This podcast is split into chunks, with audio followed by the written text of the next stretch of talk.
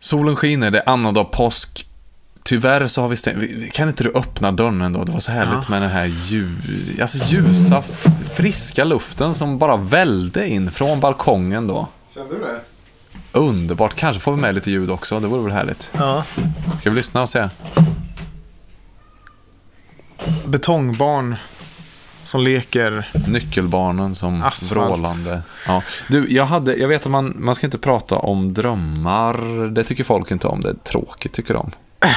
Det tycker jag är tråkigt att folk tycker att det är tråkigt faktiskt. Lite, förstår jag. att, nej, men för att drömma kan ju vara hur bra som helst om man bara är, är en god berättare, tänker jag. Ja, Eller? försök då. Jag drömde en natt att jag var i Oslo och trampade i en vattenpöl. Alltså? och var tvungen att köpa en ny sko. Jag gick länge i butikerna. Jag jämförde priser, jag gick in i ja, säkert tre, fyra olika butiker och kände lite på de här. Det fanns någon Chelsea boots och det var några andra boots. Och... Ja, men så hittade jag ett par som, ah, där.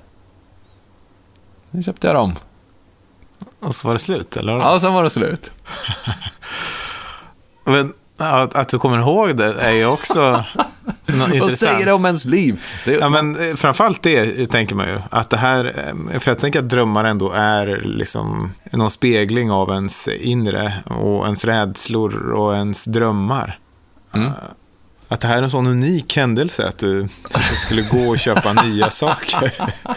för att det, hände inte. Du har precis berättat Precis. att Linda har slängt två av dina mössor för att det var malbitna, söndriga. Ja, jo, jo, men det var ju inaktiva malar. Alltså det, de fanns ju inte kvar. Nej, men de var ju hål i mössorna fortfarande. Jo, och du men de tyckte var ju att det var slöseri att slänga dem då. Så att nu går du runt med en spräcklig skidmössa då. Ja, När vi sågs här ute.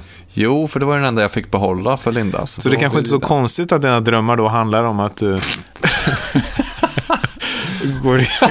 Det mest radikala jag kan tänka mig. När jag, när jag en gång för all, liksom, för en gång skulle få släppa helt fritt och befinna mig i fantasins rike och allt är möjligt. Och ingenting kostar pengar. Vissa flyger, andra eh, festar i öknen och eh, får syratrippar i sina drömmar. Och jag, vad jag gör? Jag köper ett par boots i Oslo. Gratis. Ja. Men sen när jag vaknade var det så tråkigt att inse att nej, det var bara en dröm. Jag har fortfarande kvar mina gamla skor. Ja, hjälp. Ja, jag hoppas att vi kan bjuda på någonting lite mer spännande i det här avsnittet än eh, sådana gamla sega skor till Vi drömmar. får se. Vi får se, för nu sätter vi igång. Ja.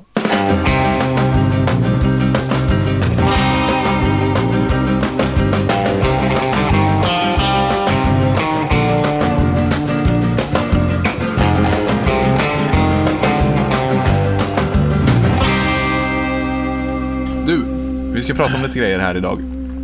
En av sakerna som jag skulle vilja prata om, det är... Jag skickade ju... Alltså, Eh. jag ska vi kanske stänga. Det låter väldigt mycket härifrån. De stökiga raggarna här. Ja, verkligen. Ja. Jo, men eh, en av de sakerna som jag eh, hade velat prata om idag, det skedde förra veckan. Jag skickade dig ett sms när det hade inträffat och jag tror jag skrev något i stil med jag noterar att du och Lamotte är igång samtidigt. Ja, Jag just det. älskar när det händer. Just det. Och den som inte vet vem Lamotte är då så är ju det, ja hur ska man förklara det, en eh, internetkolumnist som eh, har en eh, dragning åt det populistiska hållet kring alla frågor kan man väl säga. Och tycker om att skrika in i, i sin mobiltelefon om världens orättvisor och därmed få väldigt mycket Facebook-engagemang och nå många människor kan man säga. Potentiellt den största Swish-kunden i hela Sverige också. Det vore väldigt intressant. För det är det han- så han får pengar och han, han ber folk swisha pengar. Det vore väldigt intressant att veta hur mycket han drar in på det där. Ja. Jo, men dels det, men, för man vet ju att han drar in mycket i sina insamlingar också till olika brottsoffer som han vill Ja, Eh, det har ju påstått att det in en halv miljon eller något va? Det inte det? Ja, vi ska inte uppehålla oss vid Joakim Lamotts privatekonomi, men, men det är i alla fall en...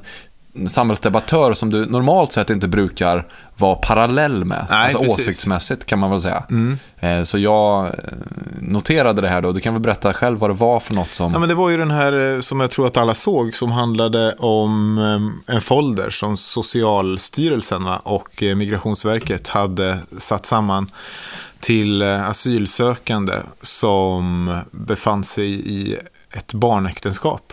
Så det stod, jag, rubriken var information till dig i barnäktenskap eller liknande. Ja, information till dig som är gift med ett barn va? Kanske till och med var så. Mm. För att sen har det ju formligen exploderat. Eh, under he- helgen här så har det ju kommit mängder av memes. Mm. Alltså information till dig som är gift med någon som beter sig som ett barn till exempel. Och, och så vidare och så vidare. Men du gjorde då som ganska många. Eh, alltså det, man, man kunde ju se det på Twitter när, när det här eh, exploderade. Det var väl på morgonen. Eller det var i alla fall då jag loggade in och så noterade jag att det var jättemånga som hade börjat prata om detta.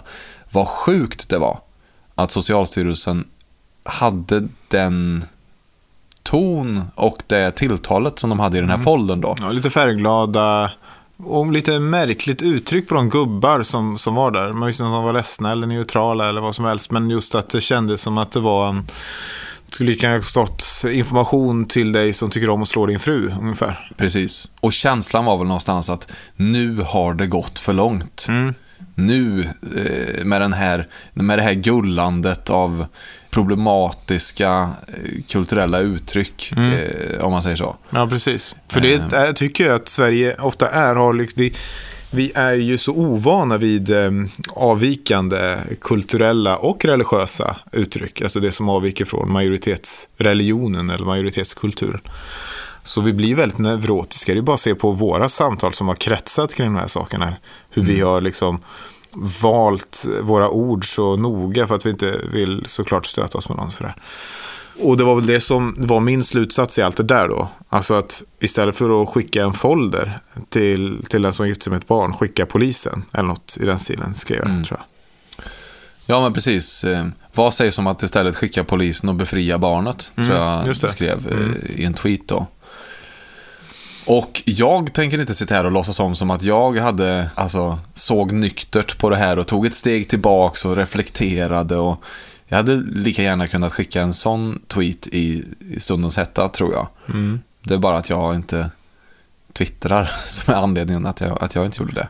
Nej, Men vi var ju många som på något sätt eh, förfasades över den här foldern. Då. Och anledningen var ju att, eh, precis som du skrev också, att varför ens tala om en sån här sak som vi som samhälle demokratiskt har enats om är förkastligt. Det. det. ska inte förekomma, det ska vara olagligt i det här landet och ja. Men sen då, ju längre dagen gick, desto mer så började man kunna skönja två läger i den här frågan. mm. Dels de som tidigt hade hakat på, varav många tillhörde de här, det här populistiska gardet då, med Hanif Bali och Lamotte och så vidare, hela gänget. Mm. Och sen då någon form av eftertankens kranka blekhet lag som kom in lite senare i festen och bara hej hej ho ho ta det lite lugnt här nu Mm. och erbjöd lite statistik. Va, va, du skiftade ju fot under Ja, dagen. och det gjorde jag egentligen när du skickade smset och påpekade att jag och Lamotta är på samma lag. Och då tänkte, tänkte jag ju direkt att det här är ju inte, det är inte ett bra tecken. Och jag hade väl egentligen inte tänkt på det förrän du sk- skickade smset till mig och påpekade det. Att då kanske jag borde tänka ett varv till här. Alltså varför har en myndighet skickat ut de här sakerna och så började man börja söka lite och så var det ju rätt begripligt egentligen när man begrep att det som myndigheterna har förhållit sig till är svensk lagstiftning. Och i svensk lagstiftning så är det förbjudet att ingå i äktenskap med någon under 18 år och ha sex med någon under 15 år. Ju. Men däremot om någon som sökt asyl har ingått äktenskap med någon som är under 18 år och över 15 år så godkänns deras äktenskap fortfarande i Sverige. Däremot får man inte ha sex. Så att om barnet är över 15 år, om jag förstått det rätt då, så, så är det, men, men är det ett äktenskap, så, så är det fortfarande eh, godkänt enligt svensk lag. Med denna ganska vitala inskränkning då, att man inte får ha sex inom äktenskapet. Hur den kontrollen nu ska se. Och det är ju den här märkliga, otroligt märkliga balansakten som eh, myndigheterna, då, Socialstyrelsen och Migrationsverket behöver eh, balansera. till, ja. Jo, men, och, och det förstår man väl. Då helt plötsligt så framträder ju bilden av en myndighet som faktiskt har skött sig exemplariskt på något sätt. Ja, men verkligen. Att inte ha dragits med i vad man nu kan ha för privata moraliska betänkligheter kring någonting, utan istället tolkat lagen och insett att ja, det här är en grupp som visserligen är väldigt, väldigt liten, Mm. men på något sätt så måste vi försöka nå dem. Mm. Och ett problem med skulden ligger hos lagstiftarna ju. Eh, Det är Ja. de som behöver förändra någonting om vi tycker, när, när vi nu tycker att det här är så förkastligt. Ja. Ja, ja men det, det var i alla fall en intressant eh, händelse, tyckte jag. Nej, men det var ju också intressant för mig för att jag eh, fick ju många liksom bekymrade eh, samtal, eller vad man ska säga. Otroligt intressant. Berätta, eller vadå? Ja, men människor som hörde av sig sen också. Jag hade, jag, det här var ju, kanske, jag vet inte om det var påsk, jag tror att det var skärtorsdagen eller någonting. Så att jag var inte så inloggad, utan jag hade väl skrivit, sett där och bara skrivit lite snabbt då med, med ryggmärgsreflexen. Eh, var sjukt typ. Och sen hade jag inte loggat in igen då förrän du skrev. Och då så sk- började jag tänka till och gick ganska snabbt och bara, ja fast hörni, det är ju, nu när jag tänkt efter, jag ångrar mig vad jag skrev här och så skrev jag väl en uppdatering om det. Att det är inte så konstigt, myndigheterna har ju lagen att förhålla sig till som säger så här. Men, men under tiden den här första tweeten fick ju väldigt mycket spinn då. För att det var människor som kände samma sak, ilska och liksom, vad hände med barnet? Så, och då var det många som, som blev besvikna, som hörde av sig med liksom förvånade emojis typ. Mm. Och som skrev privata meddelanden då och undrade, men eh, ja, jag var bara förvånad över, över vad du skrev. Och då så, och så jaha, men har du läst min, den här uppdateringen jag skrev då? Och så skickade jag väl någon länk till det och sådär. Och då fick jag massa sådana här eh, lättade svar tillbaka, lättade emojis och skratt. Haha, ja, jag trodde att du var sjuk i huvudet eller liksom tappat förståndet eller liknande. Och likadant an, an, helt okända människor för mig som också skrev långa, be, or, liksom bekymrade mejl om att ja, jag har alltid tyckt att du skrivit så bra och haft eh, sunda tankar och liksom inte dragits med. Och jag bara undra hur du tänker här för att jag respekterar verkligen och så hade inte jag sett det på några dagar och då hade jag hunnit skriva en krönika också till, till Göteborgs-Posten och så länkade jag det och så fick jag samma så här tillbaka lättnad tillbaka. Man säger att bara, åh vad skönt, ja, att du, ja, att- det var väldigt intressant ju. Ja, men det är ju superintressant, för det, det är ju talande. Alltså, vad det säger, det är ju att du är en person som normalt sett är eftertänksam och inte nödvändigtvis hakar på minsta lilla eh, vi- vindpust i alltså, åsiktsstormen där ute, så att säga. Utan att du gärna vill ha det helikopterperspektivet, ta ett steg tillbaks. Men här fallerade det då, av någon anledning. Så att jag började tänka på det där ganska, ganska intensivt efteråt. För jag funderade på vad, vad, vad beror det där på? Vad var anledningen till att, till att det blev som det blev? Mm. Och jag tror jag kan ha landat i någon form av insikt ändå. Mhm. Jag kallar det för föräldraskapets ryggmärgsskada. Okej. Alltså det är något som jag har noterat när man blir förälder. Så fort man ställs inför alltså ett eh, ställningstagande eller så, som handlar om barn, Mhm. då har man en benägenhet att reagera med ryggmärgen. Alltså även om man är en eftertänksam person, även om man normalt sett brukar eh, vara mer analytisk, Just det. Om det är om det handlar om barn, då, ah, då, då, då är det som att ryggmärgen kommer in. Det är någon form av skada, va? Man Ja. får en skada på ryggmärgen. Ja. Eh, och jag tror det var det som skedde här och det var därför den här fick sån enorm spridning. Det var för att det handlade om- just barnäktenskap. för att folk som, alltså nyktra människor framför sina Ja. tangentbord såg det här, information till dig som är gift med ett, hur långt som Barn. helst, men så fort, barn, va? Skit i efter, eftertänksamhet, nu ska Ja. det ut! Ryggmärgen. Jag tänker jag med ryggen. Och jag tror det är därför då också, just inom barnområdet, så många alarmistiska tendenser och trender har så stor framgång på sociala medier och på... Intressant, det är klart. Alltså när det handlar om skärmtid, när det handlar om dieter, när det handlar om olika metoder för nattning och så vidare. Mm. Ja, det är sant ju. Ja, men dels att vi vill värna det oskuldsfulla barnet såklart ju. Alltså att Ja. det, är helt, det är helt värnlöst. Och det märkte man ju även i diskussionen efteråt, till exempel när jag publicerade den här krönikan och så blev det en diskussion efteråt med. Där det liksom inte spelar någon roll allt det jag skrev, utan det var ungefär som att, alltså, att, att det var ett barn som var utsatt på något sätt. Det gjorde att ingenting, inga andra liksom, nyanser eller någonting spelade någon som helst roll. Alltså, det, det gick inte att argumentera med någon för att det slutade bara men, men det är ju barn! men det är ju barn! Liksom. Och så blir det, det, det spelar ingen roll vad man sa innan för att det fanns alltid ett men det är ju barn vi pratar om. Liksom. Å ena sidan, å andra sidan, hallå, det är, Det är barn, barn. vi Ja, det är- pratar om här. Det är sant ju. Men eh, har du fler, eh, har, har, kan du liksom, nu var det här ett väldigt Ja. tydligt exempel för mig då, där jag verkligen uppenbarligen fick den ryggmärgsreflexen. Mm. Ett dagsfärskt är ju att eh, Linda satt på, satt på datorn i morse och läste på någon sida, Mm. på någon familjeliv eller vad det var. Och eh, sa så bara högt eh, ut över frukostbordet. Nej, här, vet du vad det står här? Nej, sa jag. Jo, det står att barn måste, de ska ha fisk två gånger i veckan. Ja. Och då har jag hållit en vegetarisk, ett vegetariskt hushåll här i något år. Ja. Alba äter ju vegetarisk mat med mig. Mm. Jättegod mat. Proteinrik. Nyttig, proteinrik. Jag tänker, jag har till och med pluggat.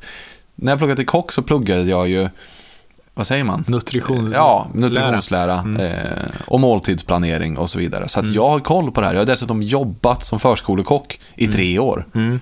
På en vegetarisk förskola. Jaså? Ja. Så att, ja, nej men du vet. Trots allt detta, så när hon säger det, någon information som hon har läst på en sajt på internet som jag inte har någon aning om vart det är, eller om det är ett forum eller vad det nu är, Ja. så bara känner jag, då är ryggmärgen där. Så, tänker jag, ja, då, nu får, ingen mer vegetarisk mat här, nu är det fisk. Nu, nu, ska, nu går jag ner, raka vägen här. Fet fisk ska vara omega-3, det är jätteviktigt. Det måste de ha minst två gånger i veckan. Tänkte du så på riktigt? Jag inte bara tänkte, jag, alltså, nu har jag inte hunnit ner, men jag är ju i, alltså, Steget? jag är ju, jag är, så fort vi är klara här, då kommer jag gå ner, kommer handla lax, jag kommer tillaga den och trycka i det för att jag känner att hon är, ligger så långt efter nu alltså. Ja, men, men alltså för mig tog det några timmar som sagt innan, innan min ryggmärgsreflex dog. här. Men det måste ju ha landat hos dig nu Erna. Att du kom, det, uppenbarligen sitter du och pratar om det på det här sättet. Så Ja. har det landat. Jo, men det är väl det som, det är väl en av anledningarna till att jag har lust att prata om det här. För att jag har fler exempel också. Bara förra veckan så talade jag med no- först en kompis som sa att ah, du vet att det där med att borsta tänderna med de små, det, det är klart att det är viktigt. Det är jätteviktigt för att eh, introducera ett beteende. Så man ska absolut följa det här och testa varje morgon och kväll. Men om det inte funkar, alltså det, ah, det är mjölkständer. De försvinner. Ja. Skönt tänkte jag. Åh, vad härligt. Reagera med ryggmärgen. Jag tänker inte ifrågasätta det här, utan nej, det här låter ju superrimligt. Han är väl en, i och för sig ingen tandläkare, men han är reko va? Han har väl koll på grejerna. Ja. Jag har aldrig tvivlat på honom innan. Nej. Bara någon dag senare träffade jag en annan kompis som precis har varit hos tandläkaren. Och berättar då att alltså, jag, jag trodde ju att man inte behövde borsta tänderna så noggrant på barnen, men för att vara hos tandläkaren nu vet du. Och då berättar ju tandläkaren för mig att du vet, emaljen är ju mer eller mindre obefintlig på mjölktänderna. Det är ju superlätt att få hål. Och får man hål, då, är det ju söv, då ska man sövas och då ska det lagas. Och det är ganska allvarlig operation och sådär. Va? Det, det är inget man vill med sin tvååring utsätta för det. Ja. Så att nu är det ju en, det är ju en halvtimme varje morgon och kväll här nu. Och liksom väldigt, um, Ja. mycket mer noggrant än vad vi kommer vara sen. När de, han får vanliga tänder då. Samma sak där. Ryggmärgen igen. Jag bara, nej, jag har gjort helt fel. Åh, då måste jag börja med det här.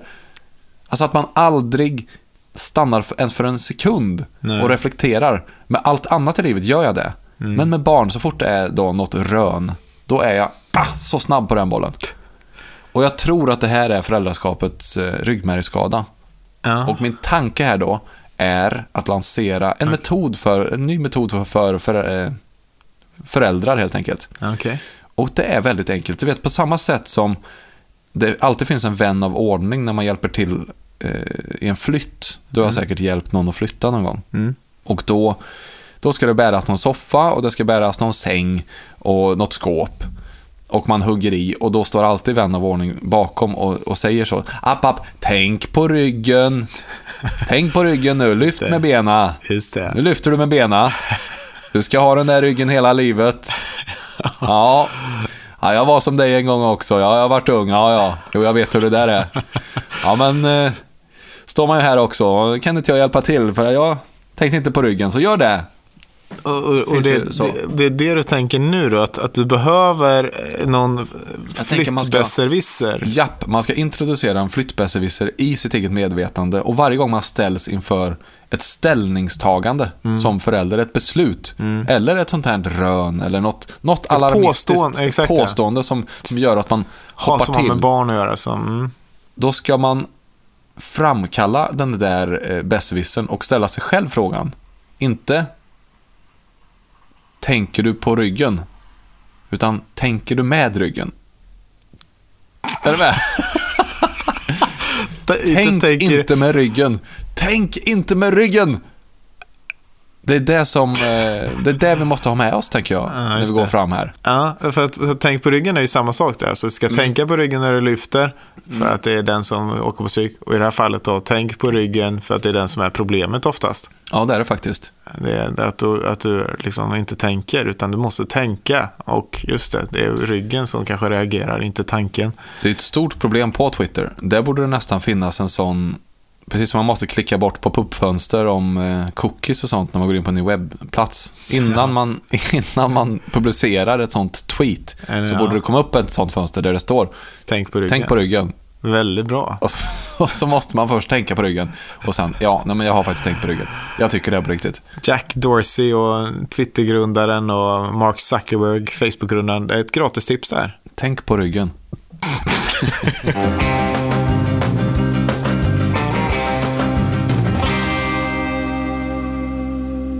Jag är ju väldigt stolt över att säga att vi har Lövberg som samarbetspartner till podden. Ja, Ja, men jag, jag, jag älskar ju Lövbergs. Det är ju min uppväxt i Karlstad, i Värmland. Vi, alltså Lövbergs är kaffet för oss.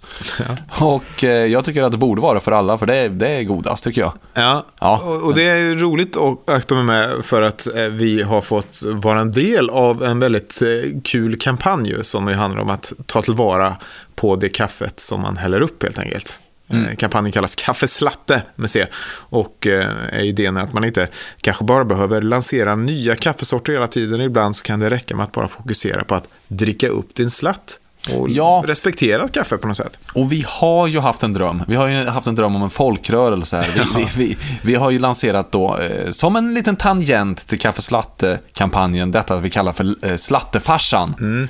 Där tanken är att vi tillsammans, alla som dricker kaffe ute i det offentliga, ska då börja hålla upp koppen över huvudet upp och ner. För dels ett, alltså som ett bevis på att man minsann har druckit upp kaffet, men också ett litet hemligt handslag, om du vill, till de andra slattefarserna i lokalen. Det har ju inte börjat spritt sig helt än, men däremot så har vi sett att det är människor som börjar kalla sig slatte, slattepappor och slattemammor såg jag var någon som skrev på Instagram. Eh, ska se om jag hittar den kommentaren här. Där, jo men här att jag har blivit en slattemamma. Är det kallt kaffe kvar i muggen så fyller jag på med nytt varmt eller kastar i några isbitar om mjölk och dricker upp. No more slängda slattar här. No more slängda slattar. Alltså, jag blir no så glad. more. No more bara. No more. Koppen över huvudet. Ja, koppen över huvudet. Fortsätt, bli en slattepappa. Använd din kopp och visa Ja. var du står. Och tack Löfberg.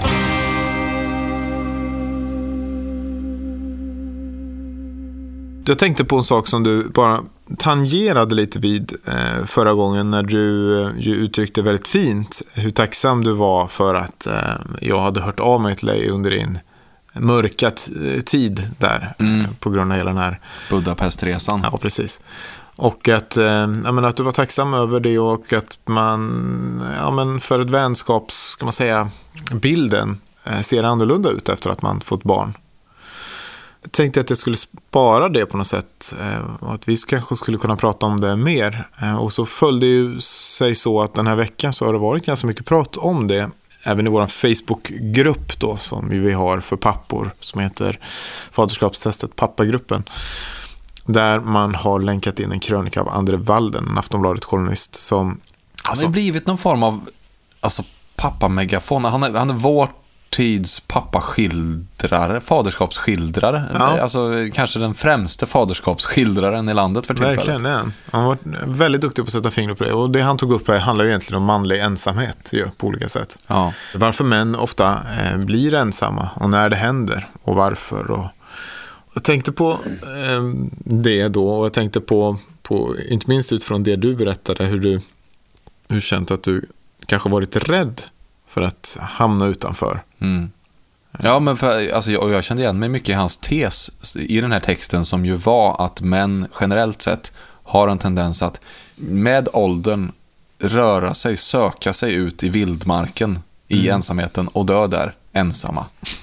Att det är den naturliga gången på något sätt. Och när man får den insikten så är den så ja, men drabbande och sorglig. När man förstår att, jaha, det har nu, nu har det börjat. Nu har min ökenvandring inletts här. Nu rör jag mig ut i vildmarken. Men jag vet inte om det är en del av det också, att, att det inte behöver vara eller kännas sorgligt utan också ganska naturligt. För att en del av det här handlar ju också om att, att den är självvald, ensamheten. Alltså att man inte väljer att, att underhålla sina vänskapsrelationer lika mycket när man har, väl har fått barn. För att det är rätt skönt att bara vara ensam. Jag kan ju uppskatta det väldigt mycket mer nu. Att bara ha en kväll där jag sitter helt ensam och kollar på tv eller liksom surfar runt eller Ja, vad vet jag, inte gör någonting. Jag skulle kunna läsa en bok och titta i taket nästan. mm. Och att det, alltså att det är rätt skönt att det inte finns ett, ett stort gäng med kompisar utanför som knackar på dörren och förväntar sig att jag, att jag ska liksom vara redo. Mm.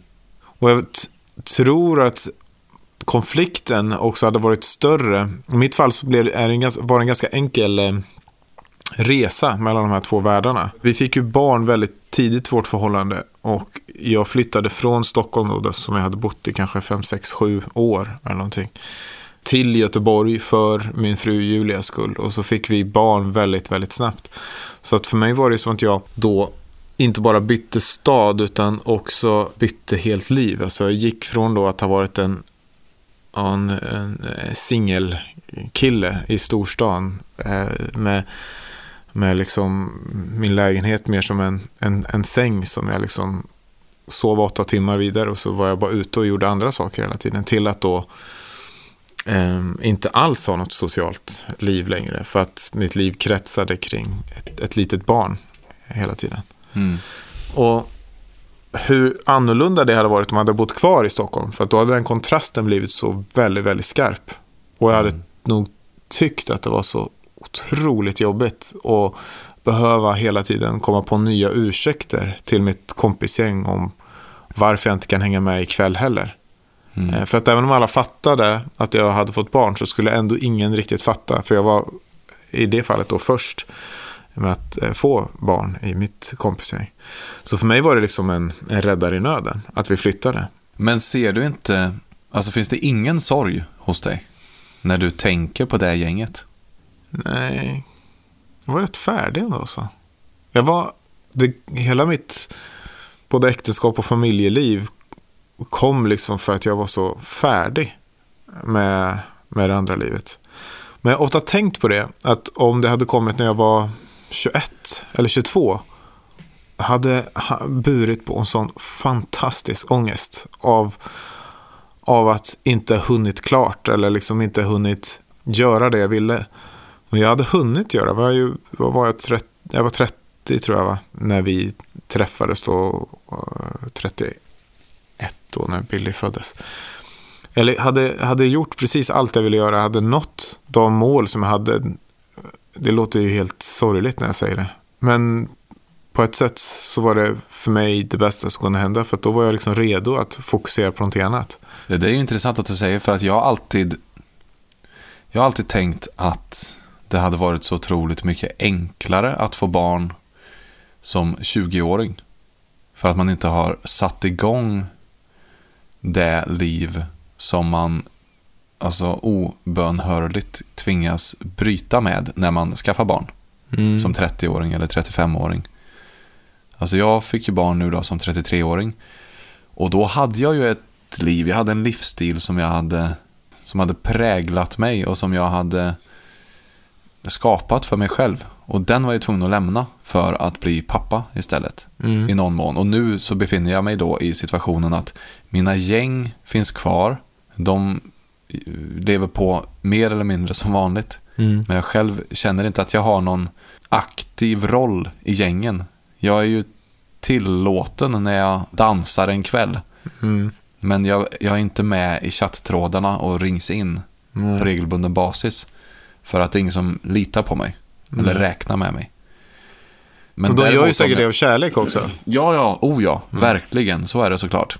Eh, och sen så har man ju några som har fått barn och där det, mm, det har intensifierats snarare. Men jag har alltid tänkt att som, om, jag gjorde, om jag som 20-åring istället blev pappa, då, då hade jag då hade det ju varit det som är livet. Mm. Och, och det tror jag att man är väldigt olika med. För mig hade det varit otroligt skrämmande. Alltså att jag inte hade haft valmöjligheten. För att om, i det fallet då, om säger att jag var 21, då, då var jag ju fortfarande så vilsen. Jag hade ingen aning om vad jag ville göra nästan. Jag trodde att det här med journalistdrömmar var en ouppnåelig sak till exempel. Mm. Så att det vågar jag knappt ens hoppas eller tro på. Det har jag liksom lagt i lådan. För jag orkar inte heller. Ja, skitsamma. Så att hade jag fått barn där, då hade jag ju... Medan jag då gick och trevade och liksom tittade åt alla möjliga, flackade med blicken och visste inte var jag skulle eh, fästa blicken någonstans. Och sen hade ett barn kommit där som hade gjort att jag hade bara haft en räls. Nu finns det bara det här. Mm. Alltså jag kan välja annat men jag kommer aldrig kunna satsa helhjärtat på det. Eller så mycket som jag var beredd. För jag liksom hade i mig att jag ville verkligen satsa hårt på någonting. Göra någonting hela vägen. Men jag, hade velat, jag ville ju fortfarande hitta vad det skulle vara. Och då låter det som att det är något barn eller någonting hemskt. Och det är det inte. Det är bara att jag hade, jag hade känt mig beskuren. Eller jag, var, jag hade inte varit redo. Det var ju en mardröm för mig att tänka att jag skulle få, få barn eh, då. Men jag tror att man kan vara väldigt olika där. Ja, jo men så är det såklart. Men vad tycker du om eh, Valdens då tes i den här texten? Att det är ofrånkomligt, eller nej, kan, är det inte så ändå att texten avslutas med en ganska försiktigt positiv utsikt, om man säger så. Alltså att han närmar sig tanken på att kanske är det ofrånkomligt, kanske Med ensamheten. ja, med ensamheten, det manliga, särskilt sent i livet. Men å andra sidan så kan man ju göra allt för att undvika den också. Och att det därför är dags att ta tag i det här med Ja. sina relationer. Jag känner ju igen det. Och, men jag kan också se, alltså jag har väl heller aldrig haft liksom supernära, jag tror att vi pratade här den här killmiddagen också som vi spelade in, typ avsnitt sex eller någonting. Ja, Så pratar vi en del om det här. Så att jag har aldrig haft supernära relation med en enda person utan jag har oftast delat upp liksom. Eh, Så att olika kompisar har haft olika funktioner. Jag har liksom inte haft en bästa kompis. Eh, nej. Och, och det jag ser är väl att det jag tycker var är intressant med allt det här med vänskap är väl att, att jag, ju äldre jag blir, börjar liksom förstå hur det går till när en äldre generation pappor och män har blivit ensamma. Alltså att det är inte så att jag nödvändigtvis blir rädd för det. Det är mer att det känns naturligt. Att jag, att jag är så utmattad, socialt utmattad. Att jag bara vill vara ensam. Det, det kan jag känna ena stunden då. Men bara för att det inte är lika frekvent så innebär det inte att det inte existerar. Tidigare då så kanske man behövde träffas varje dag eller flera gånger i veckan. Medan nu är det mer viktigare med, med kvalitet då, snarare än kvantitet. Alltså att man har några kompisar som man känner sig väldigt bekväm med, väldigt hemma med. Och sen när man ses så kan man verkligen snacka. Man tycker om varandra som personer verkligen. Mm. Och man känner varandra som personer. Och, och så, så har jag med, med några vänner fortfarande. Alltså det finns ingen uppförsbacke när vi ses. Nej. Vi bara liksom krokar an där vi var sist eller ja, där vi är nu. Jag tror det där är alltså, mer betydelsefullt än vad man kan tro. Alltså. Mm, Att ha det. För verkligen.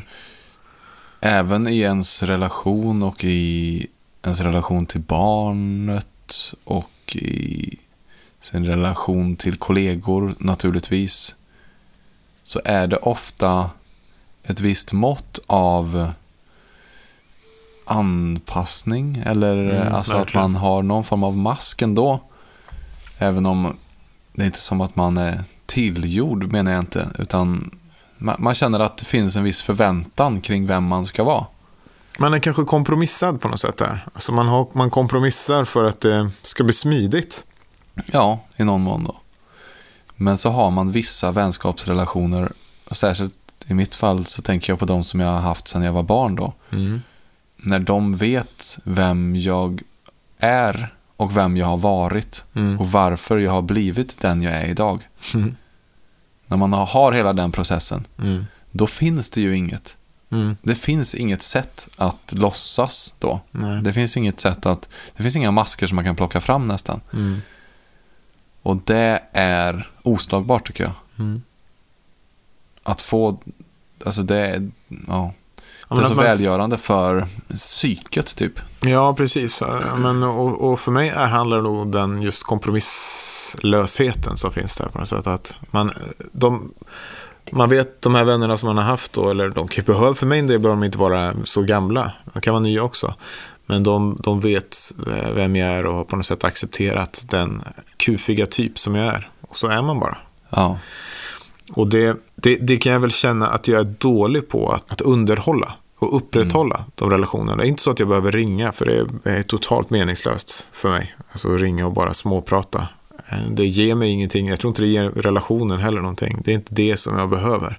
Men däremot de kvalitativa träffarna och mötena som inte bara handlar om att man råkar vara i samma stad eller råkar få en kväll över eller en biljett över till någonting och så ringer man i sista stund till någon och ber dem haka på utan en planerad aktivitet. Det blir ju nästan aldrig av sen, man, sen vi fick barn. Och jag tänker att, att det skulle också kunna vara ett faderskapstest i det här. oh, intressant. Ja, Att vi inventerar lite i vår eh, vänskapskrets och funderar vilka personer har jag som jag skulle må bra av att göra saker med. Och eh, bokar in helt enkelt. Det kan vara en lunch, det kan vara en weekend, det kan vara en semestervecka, det kan vara vad som helst egentligen. Men en slags eh, kvalitativ eh, tid mm. tillsammans med de som du kanske då försakat eller bara önskar att du hade haft mer tid med. Och det får heller inte vara par eh, kompisar. För det är också en väldigt viktig Ja. poäng som jag tyckte att Andre Wallen lyfte upp där. Att det är inga, det är vänner men de är inte riktiga vänner på något sätt. Det är parvänner, familjevänner så att säga. Ställ dig själv frågan, är det här min vän eller är det här våra vänner? Mm. Välj en som är din vän där. Mm. Det här tycker jag kan vara en fin grej att uppmana andra lyssnare att göra också. Ja, verkligen. Det kan ju vara något nu när vi har satt igång snacket i, på Facebook, på faderskapstestet, pappagruppen där. Mm. Kan inte ni också bara hänga ut lite olika mm, trådar till nästa vecka? Mm. Testa och ta en fika med någon, någon gammal kompis, så kan vi snacka om det där. Mm. Jättebra. Ja. Ja. Och se hur det går till nästa vecka.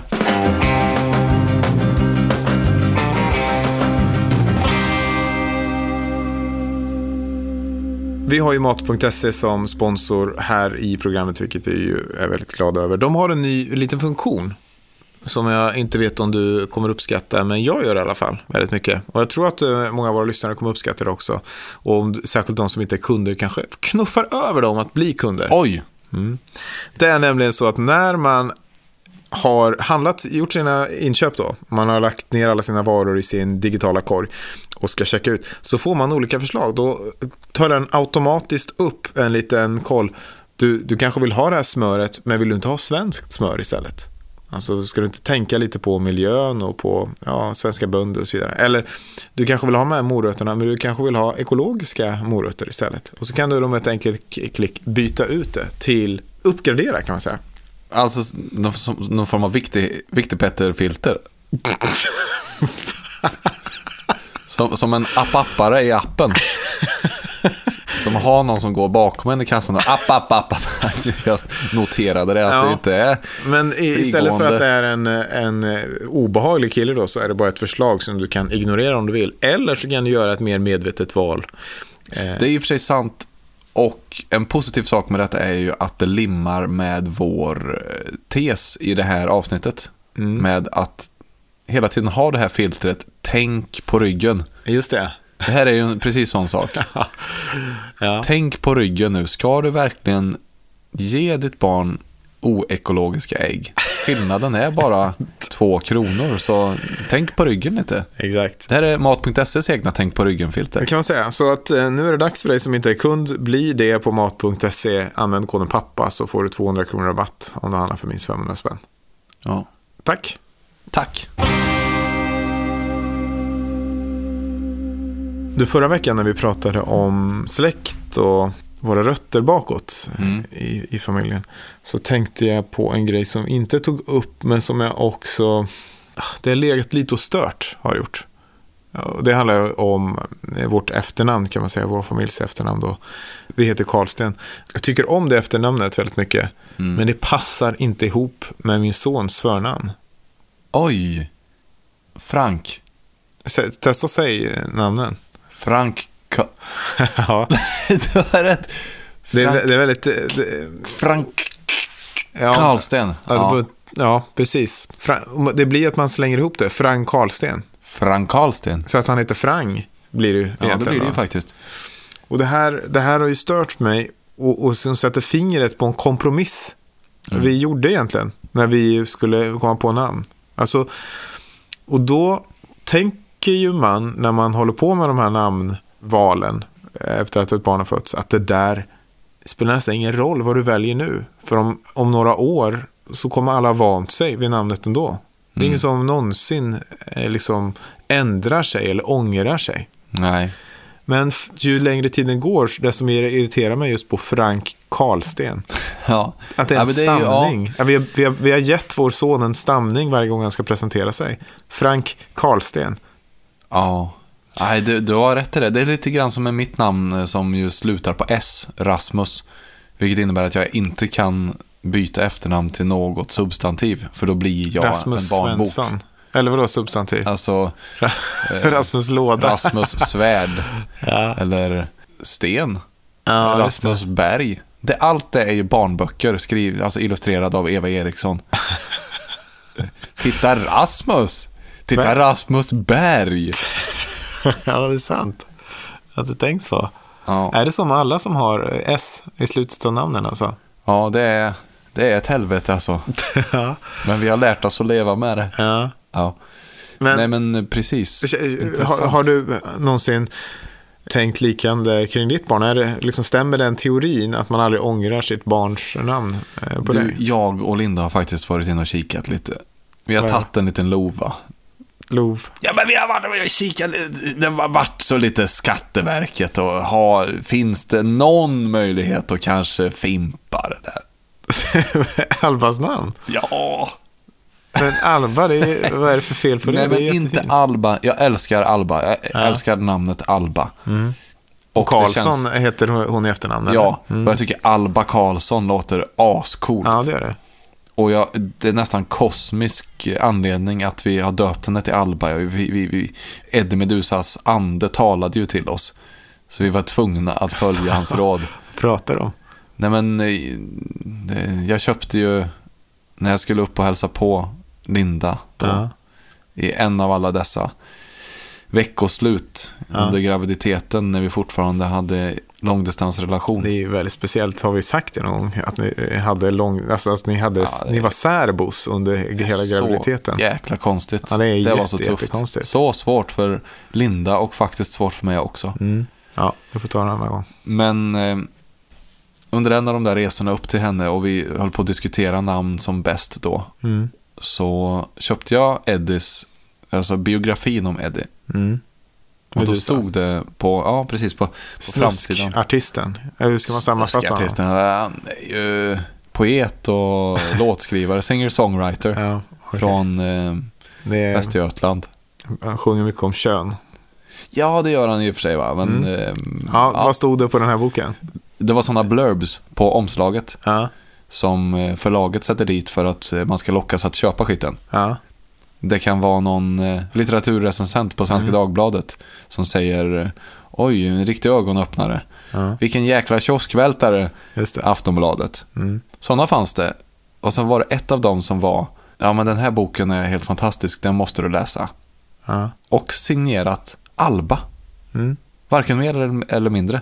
Men när jag såg det, och Alba hade ändå varit ett av de namnen som vi diskuterade, då kändes det självklart. Och sen, talar till dig. någon vecka senare, så var Linda på mödravårdscentralen och på väg ut så såg hon en enorm buss. Fullstor buss som bara var helt vit och med stora svarta blockbokstäver. Alba. Och då var det klart. Då var det. Då var jag klar. Ja. Men det, det var inte det här du ångrar? Nej, men däremot så blev vi ju lite spirituella va? Ja, just det. Vi kände ju att vi ska ha något mysigt andra namn. Ja, ja, Ja, ja. vi ska ha något. Och vad ska vi ha då? Ja, Ja, men vi ska ha Luna. ja. Att det ska vara en liten Luna. Ja, Och det kändes helt fine fram tills vi berättade det hela för våra släkter. ja, Som ju är värmlänningar. Och Ja. har en mer utpräglad dialekt än vad vi har. mm. Och när man hör namnet Luna uttalad på värmländska. Luna. Luna! L- Luna! Lu- Luna! Det är något så enormt Mia Skäringer-sketch anno 2004 över det, så att det, det liknar ju ingenting. Men det som är fascinerande med det då, om ni ogillade eller hade så svårt med det, är ju att ni ändå då valde att tatuera in just det namnet på era kroppar. Inte Albar, utan Luna. Det hade jag glömt lite grann. Jag har det visst va? Ja, men du har ju det på halsen. Jag har gjort en liten hals... Jag har gjort en liten halstatuering med det, ja. Jävlar! Nej! Okej, jag som var nöjd med att det inte kostade så mycket pengar att ta bort ett mellannamn, men att ta bort halstatuering kostar ju mycket mer. Men vet du, å andra sidan. Jag har, jag har, jag har kämpat med det här namnet Luna.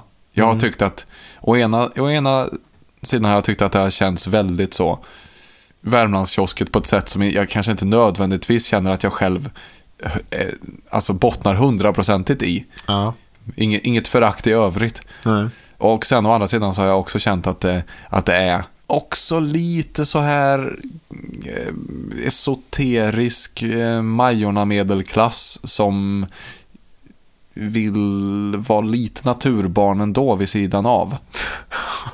Okej. Eh, så Vilket jag inte heller känner att jag är hundraprocentigt kan ställa mig bakom. Nej. Så jag har letat efter min ingång till namnet Luna, som Ja. av någon anledning bara uppstod när vi skulle skicka in papperna till Skatteverket.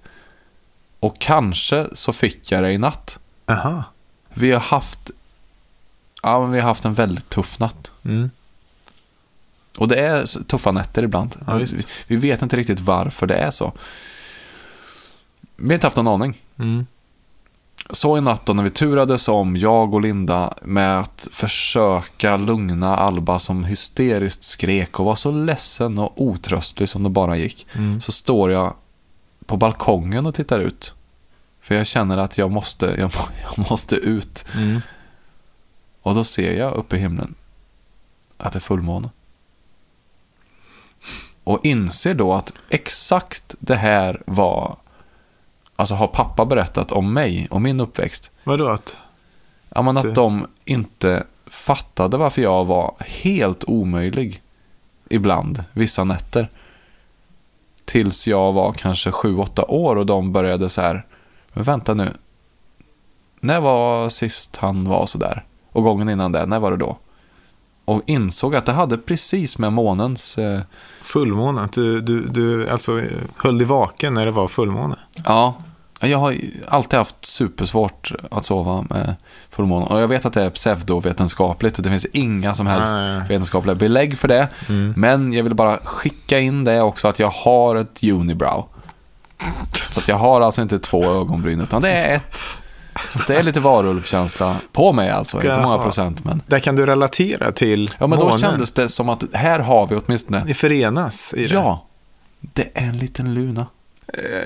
Det, det, det, det behöver man ju och det kanske kommer, jag kanske också kommer hitta det. Att det, kanske kommer vara okej, att han kommer vara ett sånt perfekt barn, Frank. Så att lite stamning kommer bara, det kommer liksom visa på, på att det finns någon brist. Ja, det är din A Boy Named Sue-manöver helt enkelt. Precis. Jag, jag, jag, vill att han ska skicka med bara så att han vet, när han lyssnar på det här då, om kanske är 15 år, och kanske är helt knäckt eventuellt då, över att vi har gett honom ett stammande namn. Han ska se vad vi hade att välja mellan. Jaha, ni hade en liten shortlist. Du har kvar alltså den Jag har kvar den listan, lilla anteckningen i telefonen här. Oj, oj, oj. Mm. Ehm, Eddie var ett riktigt eh, hett namn där. Eddie, Mm. som Medusa. Ja, just det. Wow! IE på slutet i och för sig. Ja, men det är ju för han med. Ja. Wow, Eh, ja, det gillar är du. riktigt Ja. Var det på grund av eh, alltså inte poeten och singer-songwritern? Nej, det var det inte. Jag tror att det var för att... ehm, ingen aning. Ärligt talat har vi inte haft någon röd tråd i våra namn. Billy Nej. och Frank, vi bara tyckte att de var häftiga namn. Ehm, Otis. Otis Karlsten. Ja. Som eh, soul-legendaren då med andra ord. Hade ju inte heller funkat med Berg. Otis Berg. Nej. Ja, nej. nej, det hade inte gått bra. Så det var ju tur då att du, det, det var uteslutet. Ehm, sen så hade vi ju också Povel. Povel! Men ni har ju valt bara alltså, klassiska artistnamn. Ja. Eddie Meduza, Otis faktiskt. Redding och Ja. Povel Ramel. Ja, precis. Povel var nog mest bara mitt. Det gillade inte Julia. Det Julia gillade allra mest, Ja. det var Francis. Francis. Men jag tänker Med bara på i? en... Alltså som, som Francis i, i House of Cards till exempel. just det, ja. Frans, Francis.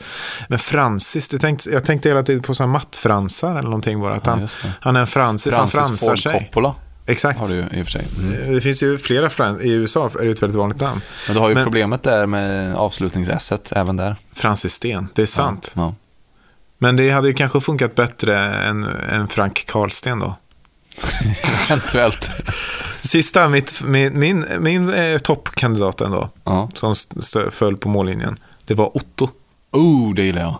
Det är Otto Karlsten, det är starkt. Åh, det är fint faktiskt Otto. Det är jäkligt fint. Otto var en oshörning. Mm. Ja, ingenting av det här blev det. Det blev Frank Karlsten. Jag älskar namnet Frank och jag tycker om namnet Karlsten. Och en dag så kommer vi hitta ett bra sätt att säga det här på. Kanske genom att slänga in något. Han heter ju Å, Åke efter mellannamn då. Frank Å Karlsten. Frank Åk. Franco Karlsten.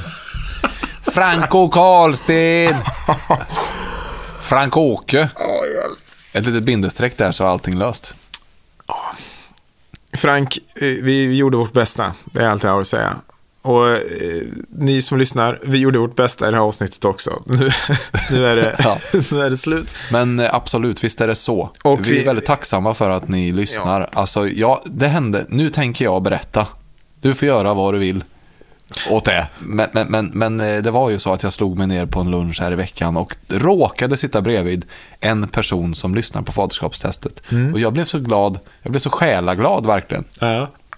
Håren reste sig. Så jag, och jag försökte förklara för mitt middags, eller lun- lunchsällskap då, hur stort det här var för mig. Ja. Men det var ingen som riktigt, alltså, Men det är nog för att de förutsatte att det där hände dig hela tiden. Du som i, i helgen var du med i direktsänd SVT till exempel och var programledare. Då förutsätter man bara, du som är på nationell tv och alltihopa och radio. Ofta, du får väl hela tiden folk som kommer fram till dig, vad är för grej? Men det ska jag ju säga, och det kan ju du säga, vi som ofta är det då. Här får vi ju långt mycket mer respons eh, på Ja. Än all rikssända miljonpubliksgrejer som man möjligtvis har gjort eh, tidigare. och låt mig vara fullständigt uppriktig på den punkten också, att vi älskar det. Exakt, det är ingen blyghet i det här, utan det är gotta med oss. Vi ringer varandra, varje gång någon kommer fram så ringer vi snabbt till varandra. Exakt, Och ja. tjuter av glädje. Det var en på apoteket som...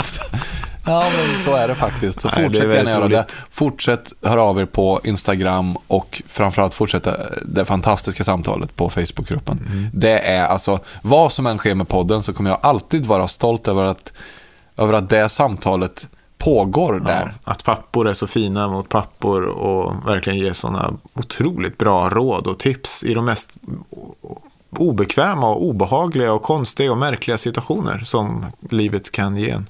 Mm. Så att, väldigt fint. Ja, tack så mycket för att ni lyssnar. Vi hörs igen nästa vecka.